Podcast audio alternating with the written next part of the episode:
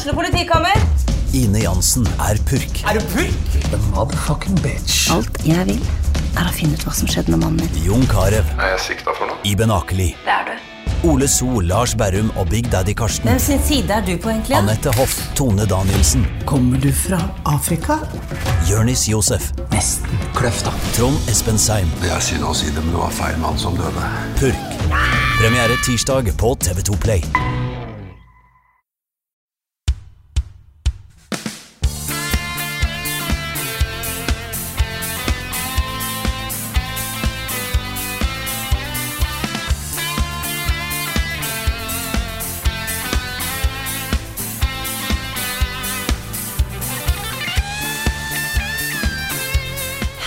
Alle sammen, og velkommen til fjerde og siste del av vår Level Backup sommer superekstravaganza topp 10-listeepisoder.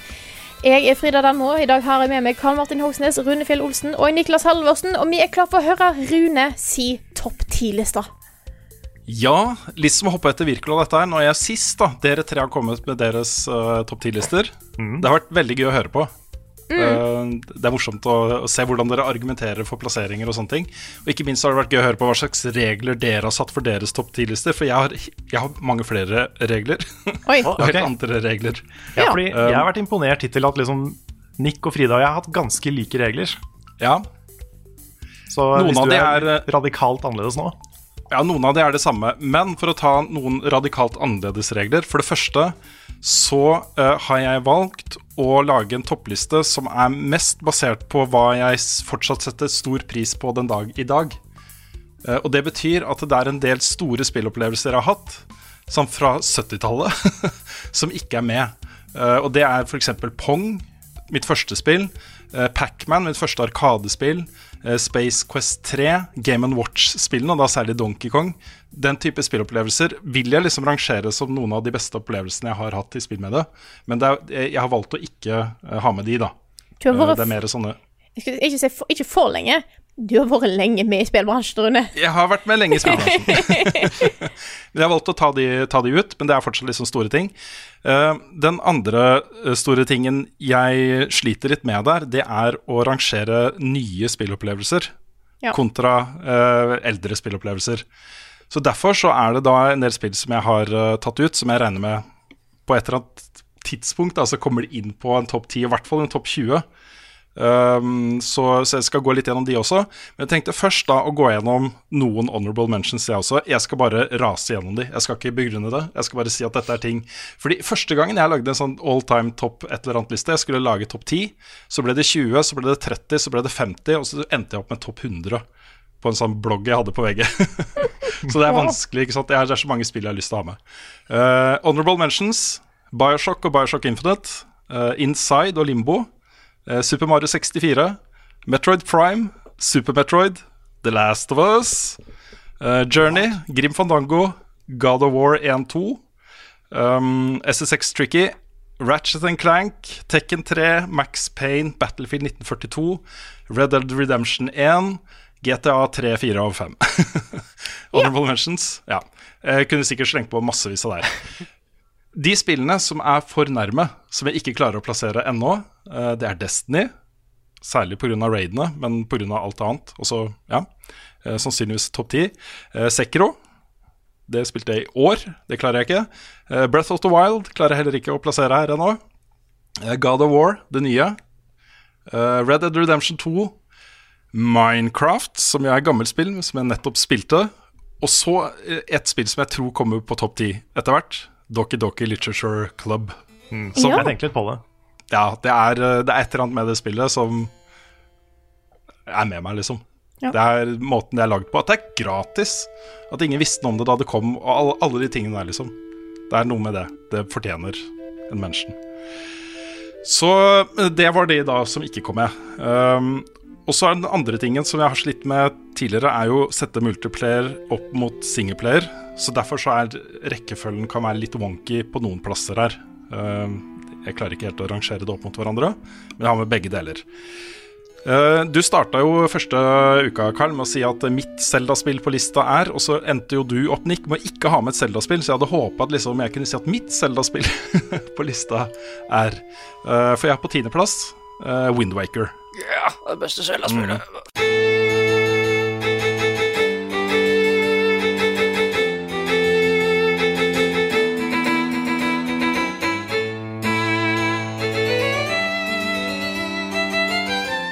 Ja, det er, det er kanskje Altså, jeg vet ikke Jeg klarer ikke helt å rangere Breath of the Wild opp mot Windwaker ennå, men på et eller annet Altså, ja, det er det jeg liker best nå. Her og nå Windwaker. Um, jeg tror det var det første Zelda-spillet jeg faktisk runda. Jeg har jo spilt alle, tror jeg. Nesten alle, i hvert fall. Inkludert de håndholdte.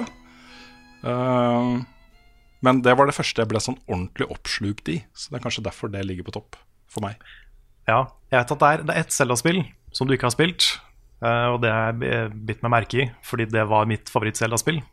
Ja da, jeg vet Majora's Mask. Ja da, selvfølgelig. Ja. Så det, det, det er kandidat for en film i tull en gang, altså. Ja, jeg elska klass det klassikerinnslaget du lagde om det spillet. Det, det, var, det var ordentlig sånn der, Da satt jeg og nistirra. Fulgte ordentlig godt med. Det var veldig fascinerende. Altså. Så jeg har en mistanke om at du kan ha rett. Så det var min tiendeplass. På niendeplass Jeg er jo fryktelig glad i Metroidvania. Altså backtracking og sånne ting. Kombinert med kule abilities. Og litt sånn overraskende så er mitt favorittspill i den sjangeren er faktisk Metroid Zero Mission på Gameboy Advance.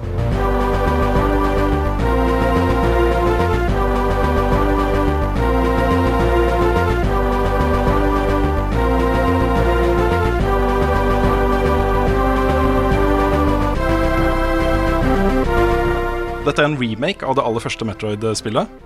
Um, men da med Super Metroid, hva skal man si, grafikk og eh, litt abilities og sånne ting. Uh, det, for det første, slutten på det er dritkult. Det, er, det har noen, en vending der på slutten som jo er kjent nå, da. For, og sikkert var kjent, også, det var godt kjent da også. Uh, men at den er der, på en måte, det, det er så sterkt, da. Og I tillegg så har du den der elementet hvor jeg satte meg ned og begynte å tenke speedruns og uh, sequence breaking og sånne ting med abilities. Få tilgang til abilities tidligere enn jeg egentlig skulle og sånne ting. Så jeg spilte jo det igjen og igjen og igjen og oppdaga nye måter å komme meg videre på og sånne ting. Det var en helt herlig opplevelse. Fantastisk. Og musikken og alt er bare konge. Og Game Boy Advance er liksom en litt sånn Jeg vet ikke om det er undervurdert konsoll, men det er så mange sterke spillopplevelser eh, på den. Å, Altså. det er det. Det er det. Absolutt. Hadde jeg ikke snakka om Earthbound, så hadde jeg tatt opp Mother 3 der. Mm. Det er uh, et av tidenes beste håndholdte spill. Mm. Golden Sun, da. Yes, Og så er det en serie som jeg kom inn, inn i litt seint. Uh, men når jeg først gjorde det, så gjorde jeg det til gangs. På åttendeplass uh, Trackmania Nations.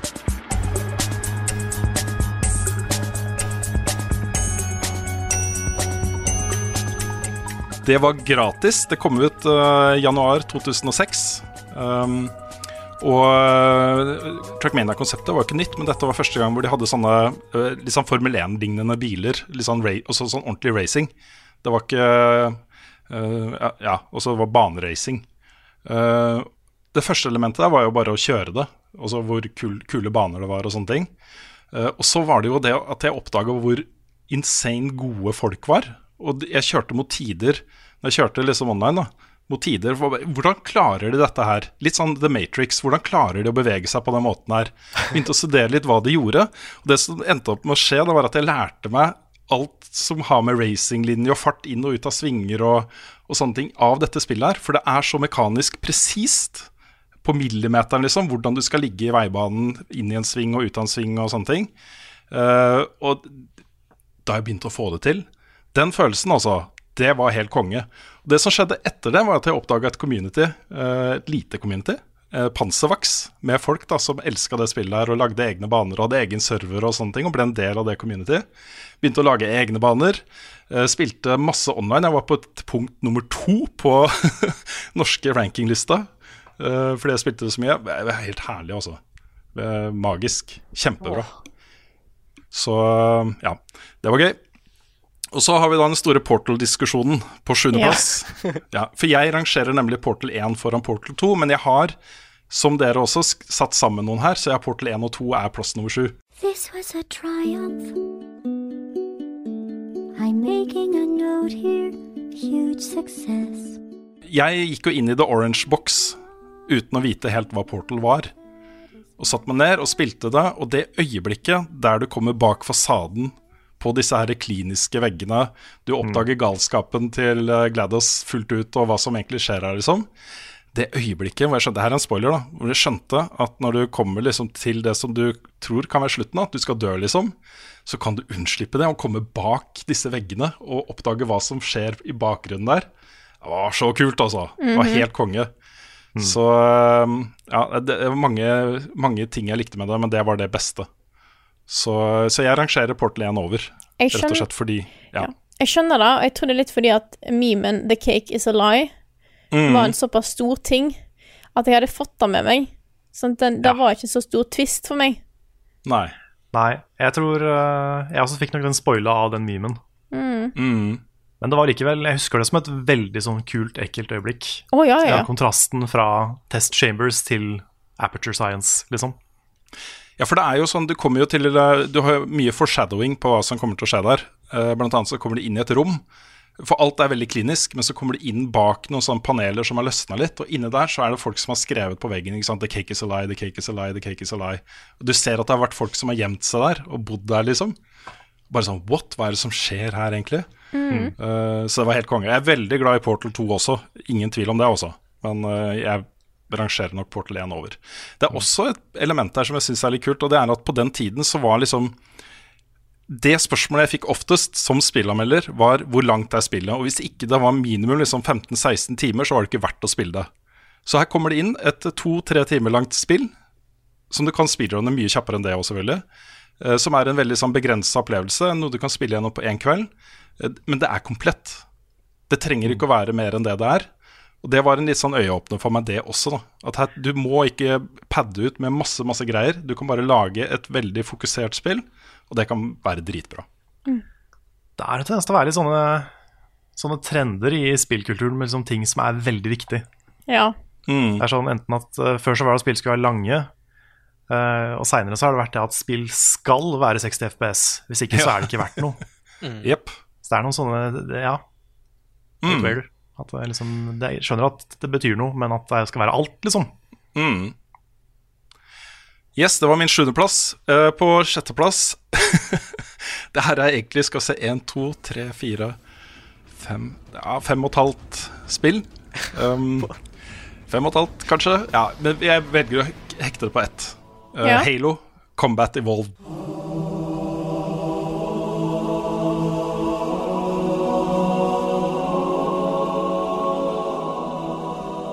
Ah, OK, da er jeg med. Altså, Bungie Altså, er en altså utvikler. Her får jeg kritikk for ikke å rangere, og så har Rune rangert fem spill på ett tall. Ja, men hvis, hvis jeg ikke hadde gjort dette her, Uh, så er det, det, det kommer noen sånne litt seinere, høyere opp på lista også, Uh, så kunne min topp ti fort ha vært to serier, på en måte. Ikke sant? Ja. Eh, jeg kan ikke, Det blir for kjedelig. Så, men eh, Halo Combat Evolved og Bungie og måten de forteller science fiction-historier på, er bare fuckings magisk. Eh, og jeg starta jo med maratonspillene, Maraton 1 og 2, på Mac, midten av 90-tallet. Eh, historien i Maraton 2, uh, Durandal, er nok den beste sci-fi-historien Bungie har skrevet. Den er helt utrolig kul, men de henter inn masse elementer fra det i Halo. Og hele den greia med at du kommer på en sånn ring som du ikke helt vet hvem har lagd dette her, hvorfor eksisterer den, eh, hva skal du egentlig gjøre her? Det er atmosfære, det ligner på jorda, men det er ikke jorda, det er ute i verdensrommet. Og finne ut og oppdage hva funksjonen til den ringen er, den haloen. Uh, hele det greia der er bare Det er sånn science fiction jeg elsker, da. Så eh, helt konge. Helt konge. Det var da mars 2002. Halo Combat Evolved. Launch-tittel til Xbox. Så yes. Um, nok en eh, sammenslåing på femteplass. Uh, Half-Life 1 og 2 og episode 1, episode 2. Altså Half-Life.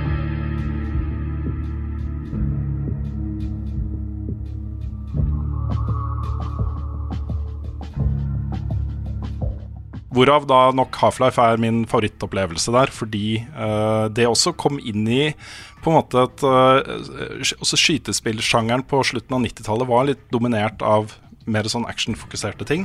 Her kommer du inn med en veldig sånn klassisk sånn secret agency uh, i fjellet i Nevada-ørkenen som forsker på aliens og, og sånne ting, liksom.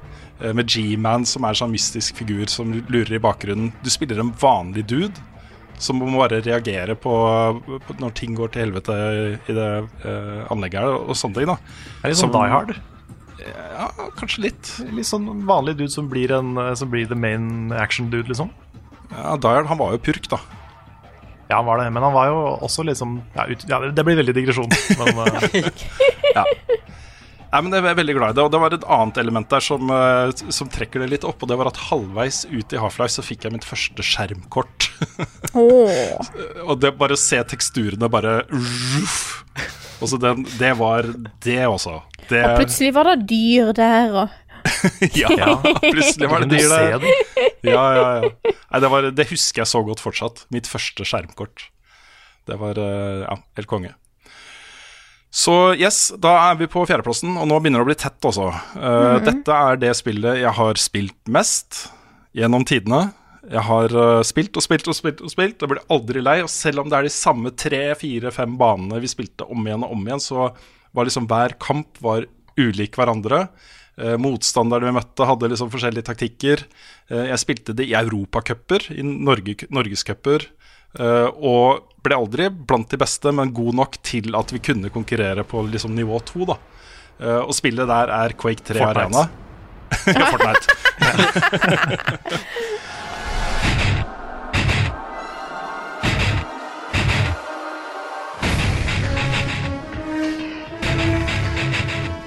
Nei, men Quake 3 Arena Jeg er fryktelig glad i arena shooters.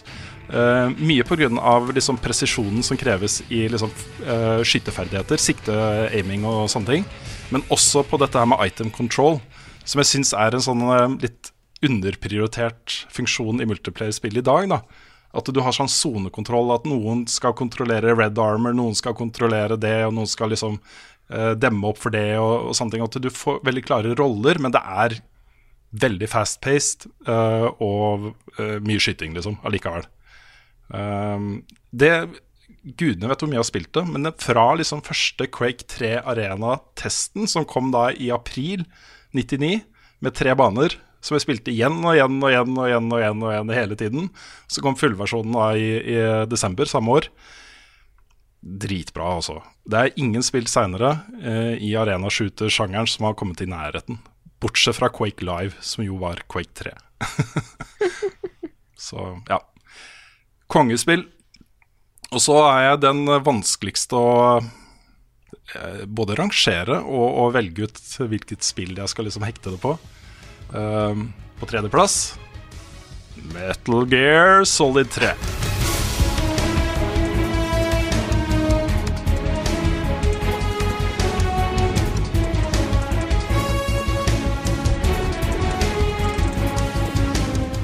Og én og to og fire.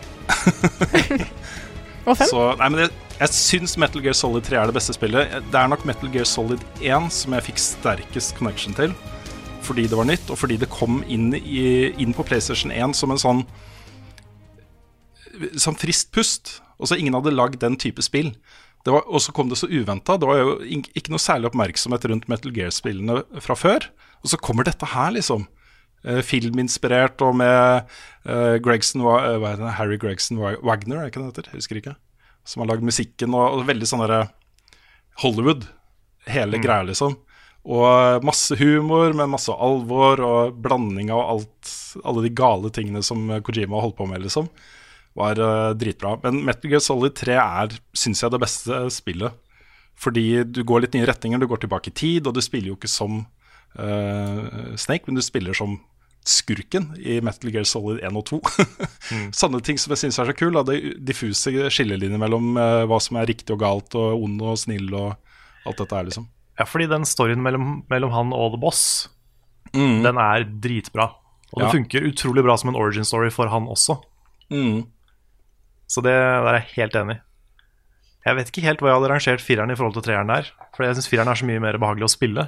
Mm. Men eh, sånn tatt alt sammensatt, så kanskje enig i at treeren er det beste.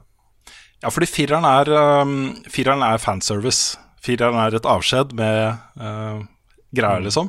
Så kom det jo Metal Gear Solid 5. Jeg syns det er bra også, men på en annen måte. Det er et bra open world action-spill og stealth-spill. Uh, men storymessig litt sånn rotete for meg. Ikke samme impacten som de andre spillene i serien. da. Det er litt som et Kingdom Hearts-spill, faktisk. Mm. At det er, sånn, det er veldig mye fanservice og veldig mange store øyeblikk. Men så er veien til de store øyeblikkene litt rotete. Ja. Men det er en sånn ting uh, som funker for meg. Så jeg likte fireren veldig godt. Mm. For det er, så, det er noe med den der når du får den der veldig emosjonelt ærlige historiefortellinga. Liksom her er det tydelig at liksom, dette her, her skal du føle noe. Og dette er så Mm. ekte, og det er så stort. det funker på meg, altså. Ja. Ja, nei, det var kjempebra. Og jeg, jeg ga jo Jeg anmeldte jo alle disse spillene i VG. Terningkast 6 til både Metal Gear Solid 1, 2, 3 og 4. Så eh, det er liksom ikke noe tvil om at jeg elsker hele denne serien her, liksom. Jeg ga det til og med til eh, femmeren. Det er mulig at jeg var litt for snill der. Jeg tror kanskje at i ettertid så ville jeg gitt en sterk femmer, men eh, ja. Det var det. Uh, Andreplass det nyeste spillet som jeg har spilt. Bloodborne.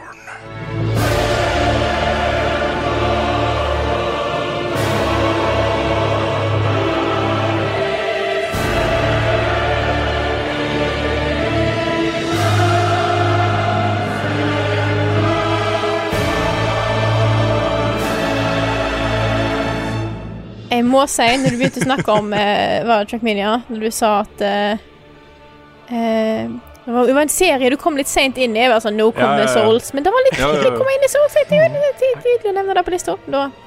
Vet du hva, jeg ble så glad Og det er jo bare Carl sin fortjeneste at jeg har spilt Bloodborne. Du Jeg er så happy med det, altså. Ja, ikke sant? Uh, og det, det er så bra at uh, det, det kniver om førsteplassen. Og et, det at jeg føler det så sterkt for et såpass nytt spill i en sånn topprangering, eh, er også et bevis på hvor godt jeg liker det. Og det er, det er så meg, og jeg tror mye av grunnen er selvfølgelig det at eh, jeg oppdaga at jeg faktisk kan get good og få det til. Og den mestringsfølelsen jeg fikk ut av det, er ikke så lett å overgå, altså. Det er en såpass sterk følelse uh, av liksom achievement. At man får til den greia der, liksom. At, eh, at det hever opplevelsen. Så Derfor så mistenker jeg også at selv om jeg er Jeg vil nok legge inn liksom Dark Souls 1 og 3 i den plassen her også. um, fordi de er også amazing. Og Sekiro etter hvert også. Um, men jeg tror, jeg tror Bloodborne for alltid vil være mitt FromSoft-spill nummer én. Fordi det var det første. Og um, Du var inne på det, Carl, men settingen. Også det at ting er litt sånn dark og evil og mystisk, og du har- får mer hint da, til hva som egentlig foregår, enn at du blir fortalt det. Eh, Du må Ja, også, finne og så har du det. det cosmic horror-elementet i tillegg. Ja, At det går jo full Lovecraft etter hvert. det gjør det. Og det også er ganske fett. Da jeg hadde jo mitt, Min kjennskap til serien fra før var jo liksom korte glimt fra disse bosskampene. Og det var det som fikk meg til å tenke liksom Vet du hva, det her kommer jeg aldri til å fikse. Jeg kommer aldri til å klare å slå det beistet der. Og det ser helt umulig ut. Jeg skjønner ikke hvordan folk får det til. Og det å faktisk ha gjort det, er liksom Ja. Amazing. Det Og det er er utrolig bra character design og boss design og sånne ting. Altså. Og så er det vanskelighetsgraden er litt psykologisk. Mm, den er det. Fordi spillet er vanskelig, men du har jo masse healing items. Hvis du er tålmodig og forsiktig, så er det helt overkommelig. Altså selv om det er vanskelig. Men den derre frykten for bossene, Mm, den har også en del å si. den har det. Fordi i Bloodborne så er det viktig å være på. Og hvis du tør å være på, og ikke trekke deg unna for ofte, spille veldig offensivt, så går det så mye bedre. Mm, Så det handler jo bokstavelig talt om å liksom bekjempe sin egen frykt. da. mm. Og så er det nok også litt det at av alle de spillene som jeg har på min toppliste, eh, kanskje i tillegg eh, ved siden av Portal-spillene, eh, Bloodborne noe av det mest perfekte spillet jeg har spilt. Hvor alt de har prøvd å få til, har de fått til. Jeg kan ikke forestille meg hvordan de, skulle gjort det bedre, på en måte. Bortsett fra kanskje da dette med frameraten, Karl. um, men selve oppbyggingen av spillet og hvordan alt funker, og hvordan våpnene føles, og uh, hvordan du føles i denne verden her og sånt, er så fuckings perfect, altså. Det er uh, fullkomment. Men jeg har jo eh, to spill. Som på en måte for alltid, tror jeg, da. Tror, jeg, jeg tror ikke noen kommer til å overgå disse spillene her for meg noen gang. Um, det er litt eh, nostalgiske grunner, kanskje, men også fordi de representerer noe som jeg føler har en unik verdi da, i spillmediet. Og det er eh, selvfølgelig Shadow of the Colossus og Ico.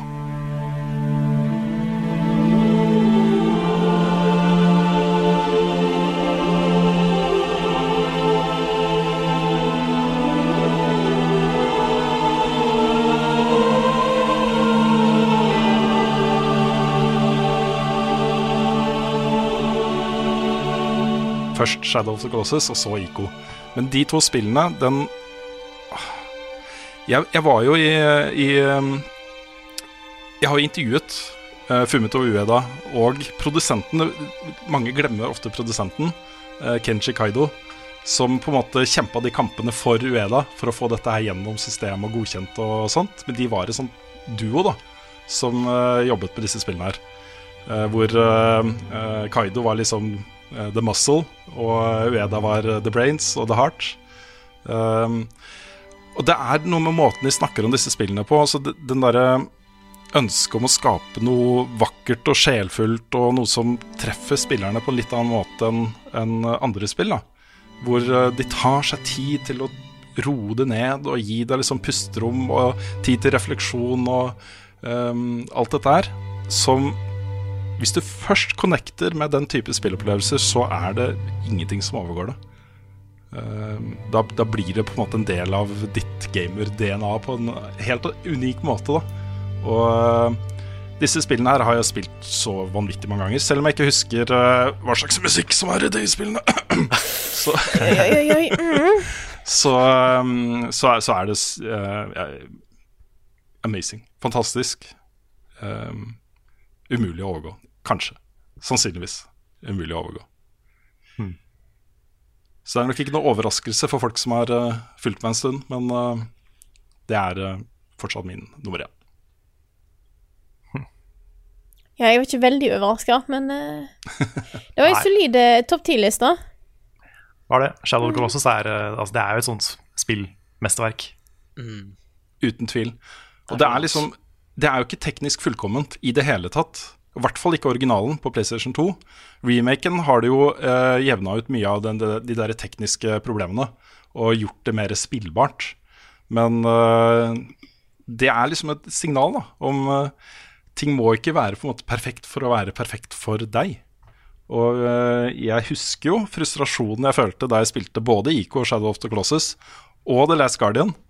Um, men bak der, liksom, det som ligger bak der, hjertet i disse spillene, er så sterkt at, uh, at de problemene ikke har noen betydning da, for mitt helhetsinntrykk av de spillene. Ja, Det går egentlig bare på hva en på en måte eh, Hva det er i et spill som du verdsetter Mm. mest. Mm. Det er Jeg husker hele diskusjonen rundt The Last Guardian. Det var jo mange som mente at det var helt broken. Eh, Mm. så det er Ja, interessant. nei, det er, jeg syns det er litt rart at ikke jeg liksom inkluderer The Last Guardian med disse to. Derfor det er ting der som jeg mener er fullt på høyde med uh, disse to spillene. Men uh, det er ja, noe med det. For den var litt mer broken kanskje enn uh, en jeg klarte å altså, Såpass broken på en del småting da som gjør at jeg ikke klarer helt å plassere det på linje med de to. Men uh, Mm. det er også et fantastisk spill, da.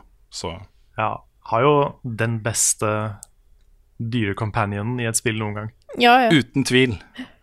Uten tvil, altså. Trico er uh, Ja, burde få en Best sånn her egen honorable mention ved siden av på alt her, liksom. ja. Mm. Nei, da var fire topp ti-lister. Det var det. Det var det. Jeg føler jo at liksom, selv om noen av de vi har valgt ut her, er eh, basert på, at, på hva vi spilte, når vi spilte det, hvem vi var da vi spilte det Men jeg føler ikke at det er noen spill her som virkelig ikke har holdt seg på topp 10-listene våre. Nei. Nei. Jeg tror du kan få en god opplevelse av å spille alle disse her, i hvert fall hvis du er på en måte litt sånn reseptiv for sjangeren og alt det der. da. Ja, det tror jeg også. Um, bortsett fra uh, maratonspillene. De har ikke holdt seg så godt. De er litt okay. uh, Men uh, de, altså Du kan spille for storyen og skjønne liksom hva som egentlig var greia her. Men jeg husker jo det. Også, de spillene så like bra ut i hodet mitt som Halo-spillene. Og så når jeg spilte de, ikke sant. Ja. Så Jeg husker, husker Heavy Rain så fotorealistisk ut i huet mitt. Ja. Det gjør det ikke lenger. Nei, det gjør ikke det. Mm. Nei, Men vi er vel ingen- tilbake med vanlige podkaster neste uke, er vi ikke det? Ja, jeg tror det. Mm. Jeg har kanskje Ja, ferie den uka der òg. Mulig Frida er borte. I så Ja. fall så må vi ta en solorunde, eller finne en, uh, Replacement. Finne en, finne en nikk. Finne, finne en nikk, rett og slett. Ikke en replacement, men en uh, vikar. Ja. Vikar. Det går greit. Mm. Nei, målet er jo å bare kjøre på, ikke ha noen pauseuke, ikke sant? At vi mm. bare peiser på med podkaster. Ja. Nå kjenner jeg at eh, ikke bare blir det godt å ta litt ferie, det blir godt å ta en litt pause nå, for nå har vi spilt inn i, inn i nesten tre timer. Ja, og så Ja. spilte vi en podkast i går også. Ikke minst. Vi har Og, spilt ja, inn i går, uh, og så hadde vi show to dager siden. Ja. Det har vært en busy uh, uke, altså. Ja. Det har det. Vi har vært i Men, to eh, svære møter, Carl. Det har vi også. Og Ja. fire podcaster på, på rappen. Det er vel ny rekord. Ja. Mm. Det blir, nok Det er ikke det. van, det blir nok ikke vanlig at vi spiller inn på en måte I dag spiller vi inn denne månedens podkast, da. Nei. Det tror jeg ikke blir uh... Blir nok ikke en trend. Nei. Det hadde vært litt morsomt å bare lage vanlige podkaster og late som det var liksom aktuelle nyhetssaker. Bare prøve å finne, finne på ting som skulle skje. i ting, og så bare satse på at de skjer. Ja, Ja, ja, satser ja. på at det skjer. Mm, Pokémon Snap 2-nyhetene var utrolig Ja, kult da den kom i slutten av juli. Altså. Sant. Nei, jeg tror vi tar og runder av det, jeg. Takk for Yeah. fire gode eh, topp ti-lister, folkens. Bare hyggelig, Frida.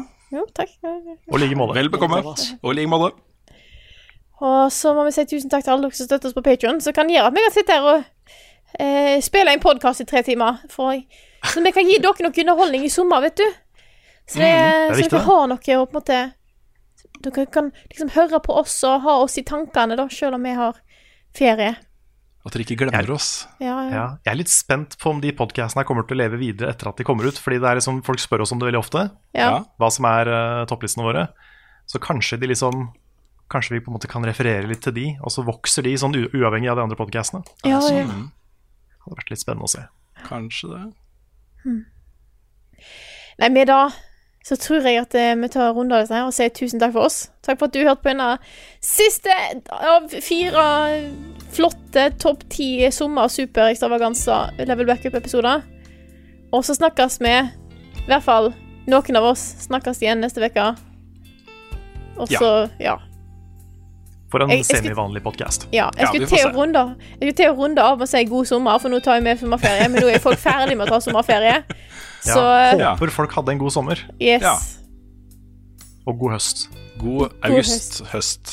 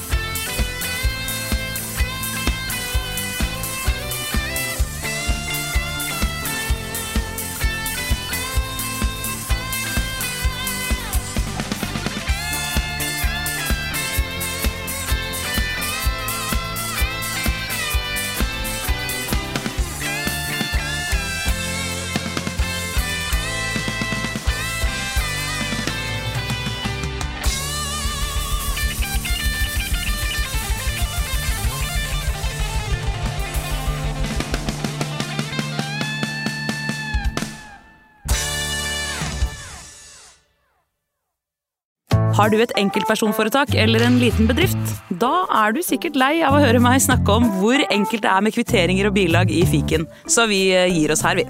Fordi vi liker enkelt. Fiken superenkelt regnskap.